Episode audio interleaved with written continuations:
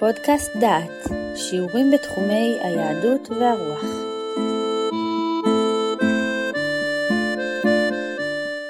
ברוכים הבאים לפודקאסט דעת, לקורס חוק, מוסר ומלחמה. בפרק זה אנחנו נעסוק במספר וידויים של מפרי חוק. זה כתיבה שכתבו אנשים כאשר מתוך ראיית המוסר והחוק מתחו ביקורת על המדינה ועל המבנה של המדינה. הדברים הם מאוד מעניינים מפני שהם מציבים זה מול זה את התחושה האישית של האדם, את תחושת הצדק, אל מול החוק כפי שהוא. האיש הראשון שנשמע את דבריו יהיה טולסטוי. טולסטוי כתב אה, מאמר שהוא מתח פה ביקורת חריפה מאוד נגד מבנה המדינה, הוא מציג את הדברים כפי שנראה מיד. אני קראתי לפרק של טולסטוי בגנותה של משמעת. נשמע עכשיו את הדברים של טולסטוי. המעטים השולטים אומרים לרוב, אתם אמנם רבים, אבל אתם טיפשים ובורים, ואינכם מסוגלים להקים ממשל לעצמכם, או לארגן את ענייניכם הציבוריים. ומשום כך אנו ניטול דאגות אלו על עצמנו. אנו נגן עליהם מפני אויבים מבחוץ, ונסדיר ונקיים את הסדר הפנימי בקרבכם. נעשה ביניכם משפט, נסדיר ונקיים עבורכם מוסדות ציבור, בתי ספר, דרכי תעבורה ושירותי דואר, ובכלל נדאג לרווחתכם. בתמורה לכל זה, כל מה שתתבקשו לעשות הוא לציית לחוקים שנחוקק למען ביטחונכם ותועלתכם, ולהתגייס לצבא כשימלאו לכם כך וכך שנים, או לשלם מיסים שמכספכם נגייס את החילות.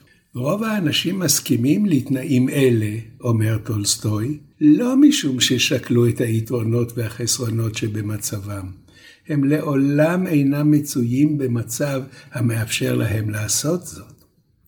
אלא משום שמצאו את עצמם בתנאים כאלה מיום שיצאו לאוויר העולם, חונכו בהם, והעיקר, משום שהממשלה הכוללת מעטים המרמים ביודעים את העם, מוליכה את העם שולל. הממשלה מגייסת את כל האמצעים, ואמצעיה רבים מאוד, כדי להכניס בליבם של בני אדם לא רק את האמונה שאינם יכולים לחיות בלי ממשלה וצבא, אלא גם לשכנע אותם שאלה השולטים בהם והעומדים בראש הצבא ראויים לכבוד רב עד בלי די, לנאמנות ואפילו להערצה. ובני אדם נופלים בפח הזה.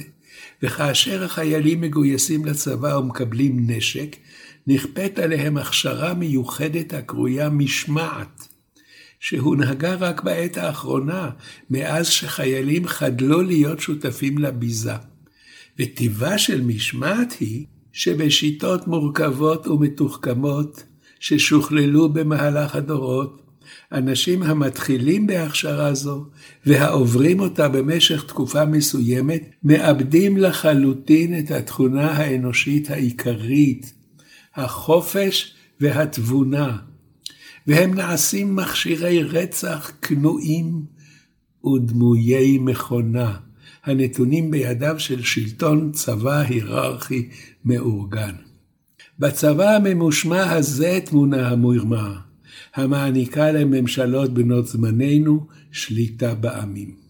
לפיכך, האמצעי היחיד לחיסול ממשלות אינו אלימות, אלא חשיפתה של המרמה הזאת.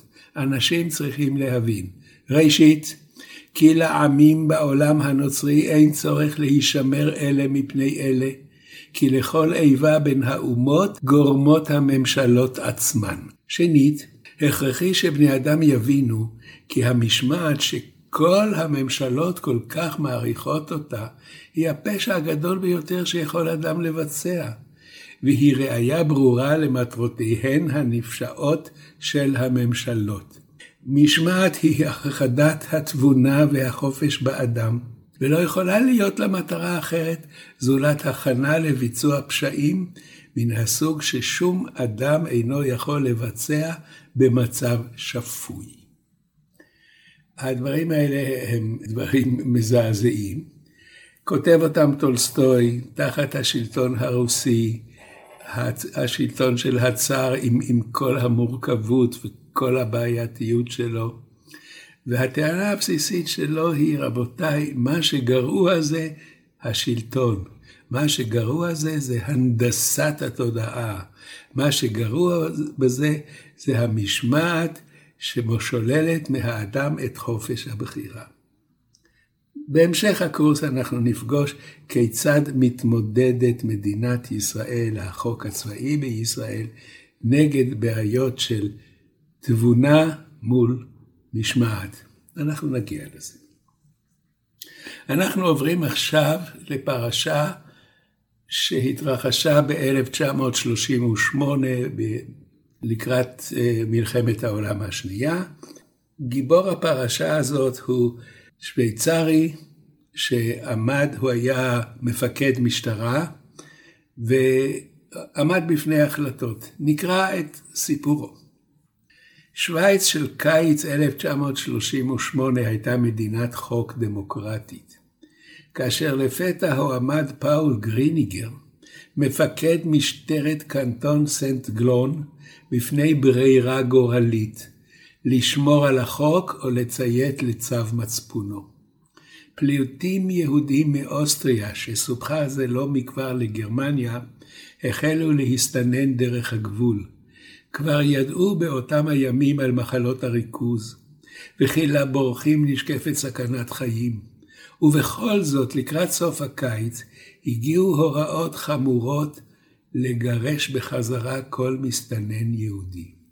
גריניגר הפר את הפקודה, וכדי לאפשר הברחת אנשים לתוך המדינה, מסר מידע כוזב ואף זייף בטופסי הרישום את תאריכי הכניסה. לאחר שהצליח להציל כשלושת אלפים נפשות, פוטר והועמד לדין. בית המשפט מצא כי עבר עבירה פלילית, אולם כנס אותו בשלוש מאות פרנקים בלבד, וכתב, זה, זה חלק מפסק הדין. אמנם מבחינה אובייקטיבית הייתה הכנסת הפליטים למדינה עבירה על החוק, אך סובייקטיבית הדבר ניתן להבנה ולסליחה מטעמים אנושיים. בהקשר זה היינו אומרים שבית המשפט, כאשר הטיל עונש סמלי, התחשב במניע המוסרי של גבול הציות, שם נרדף לאי ציות אזרחי. אבל גריניגר נשא את הוצאות מעשיו כל חייו. הוא ירד מנכסיו, נודע על ידי רבים בסביבתו והתפרנס בקושי. רק סמוך לפטירתו זכה לקבל מאת מדינת ישראל את התואר חסיד אומות העולם. והנה, מקץ 45 שנה, בסוף שנת 1995, לאחר שהתעוררה דעת הקהל, ביטל בית המשפט המחוזי בסנט גלן את פסק הדין שיצא מלפניו בשנת 1940. וכך נימק בית המשפט בבטלו את פסק הדין הראשון. האינטרס של מדינה הנתונה במצב של משבר, לקבוע את מדיניות הפליטים שלה, עניינה של המדינה באמיתותם של מסמכים רשמיים ובתפקוד המנגנון שלה. עניינה שמפכ"ל משטרה יציית להוראת השלטונות. כל אלה משקלם ניכר. מן הצד השני יש לאפיין את הערכים של קיום הגוף והחיים כנעלים ביותר.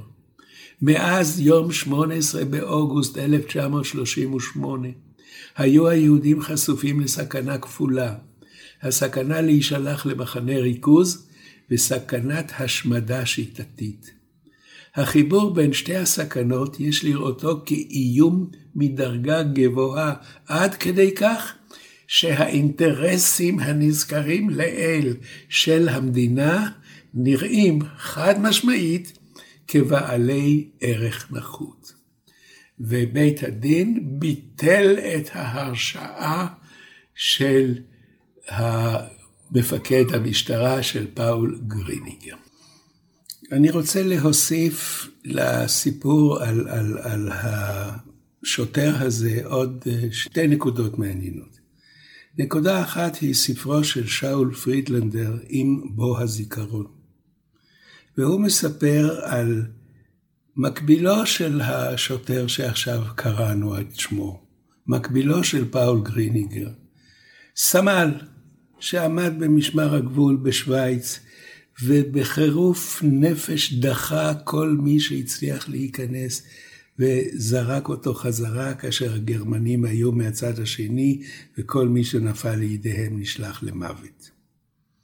והם ציטטו כמו תוכים את הסיסמה שהשוויצרים הכניסו לאנשיהם לראש, הסירה מלאה. אנחנו דומים לסירה מלאה אנשים, עוד אדם אחד מצטרף והסירה עם כל תושביה תטבע. זה סיפור אחד. סיפור שני, ספר שכתב יצחק מאיר בשם אישה אחת. יצחק מאיר מספר על הצלתה של אמו. אמו הייתה בצרפת, וכאשר הסתבכו הדברים, הגיע מישהו שלא יודעים מיהו, ועזר להם להגיע עד לגבול, והם עברו דרך מבריחים, בדרך כל מיני אנשים מחופשים. למזלם היה להם כסף והם יכלו לקנות את כל השירותים שהם היו צריכים. הסיפור בסופו מגיע לשלב שמבריח הגבול מביא אותם לנקודה ואומר, אתם רואים את הבניין הזה שמה? זה כבר שווייץ.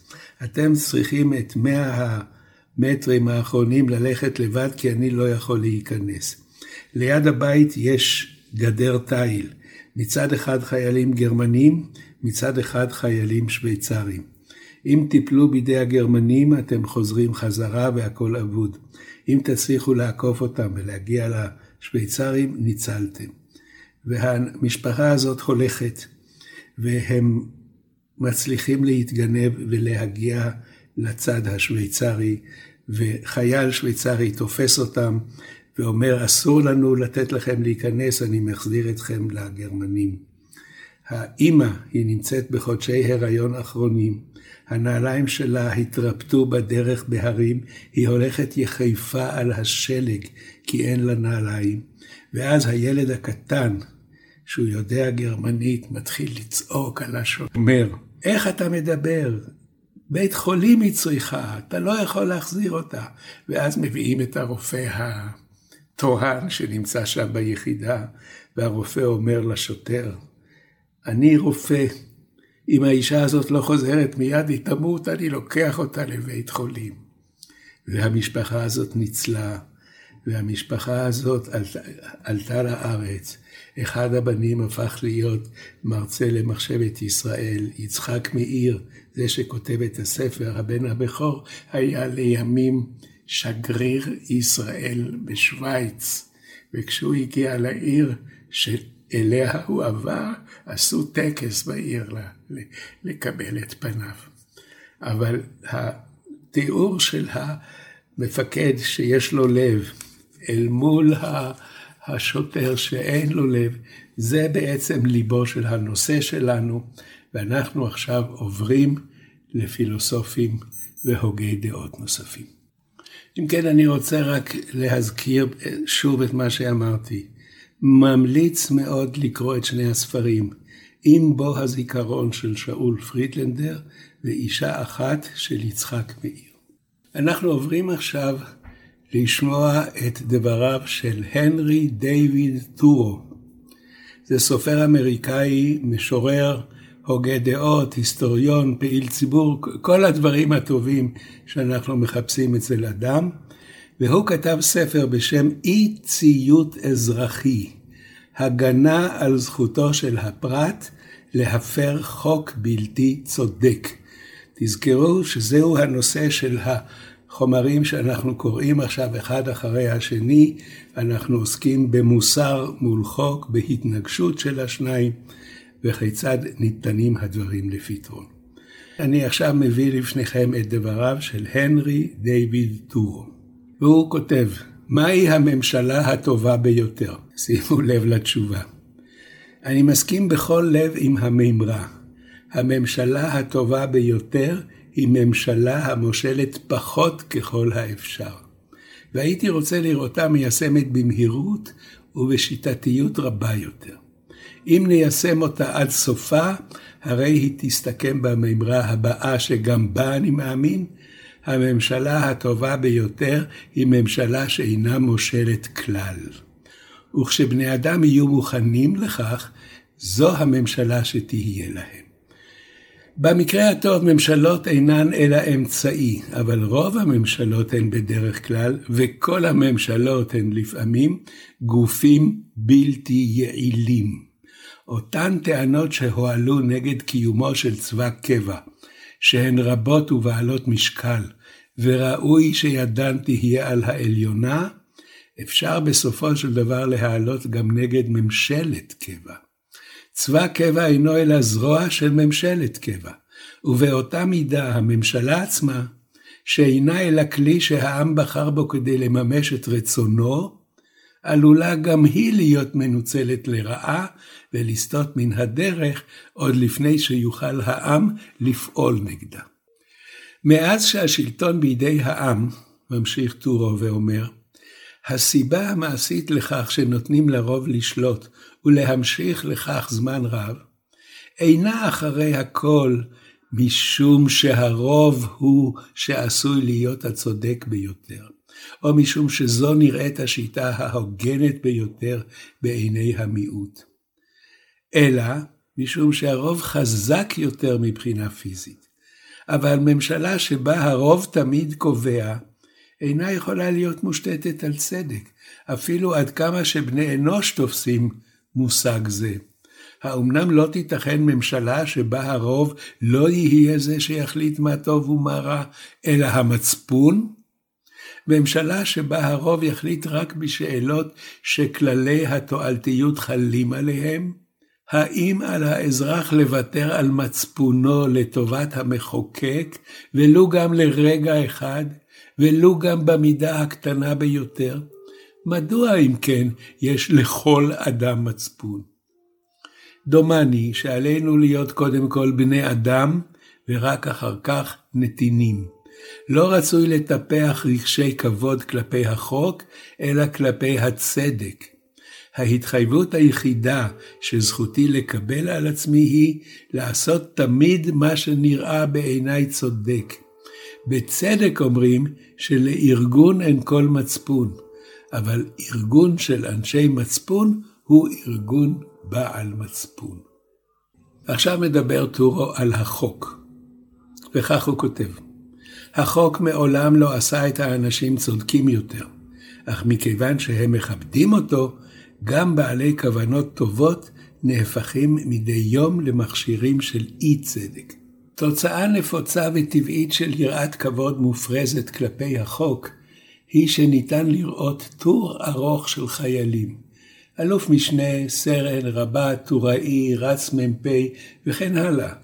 הצועדים בסדר מופתי בהר ובעמק בדרכם אל המלחמות, בניגוד לרצונם, ואפילו בניגוד לשכל הישר שלהם ומצפונם. דבר המקשה על הצעידה עד מאוד וגורם לנקיפות מצפון. אין להם ספק שהם עוסקים בעסק מתועב. הרי כולם נוטים לשלום, ומה הם איפה? האם הם בכלל בני אדם, או שמא הם מבצרים ומחסנים ניידים קטנים, העומדים לשירותו של חסר מצפון כלשהו, האוחז ברסן השלטון. טוב, אלה הם דברים חריפים מאוד, אנחנו במדינתנו הקטנה ובבעיותינו הגדולות לא יכולים להזדהות איתם, אבל אנחנו בהחלט יכולים לשמוע את הנימה, את הנימה האומרת, הדבר החשוב ביותר הוא המצפון, וכל מה שמעבר לו הוא משני לו. לא תמיד אנחנו זוכרים זאת. שמעתם שיעור מתוך הקורס חוק, מוסר ומלחמה, פרופסור יהודה איזנברג. את הקורס המלא וקורסים נוספים ניתן לשמוע באתר דעת במדור פודקאסט.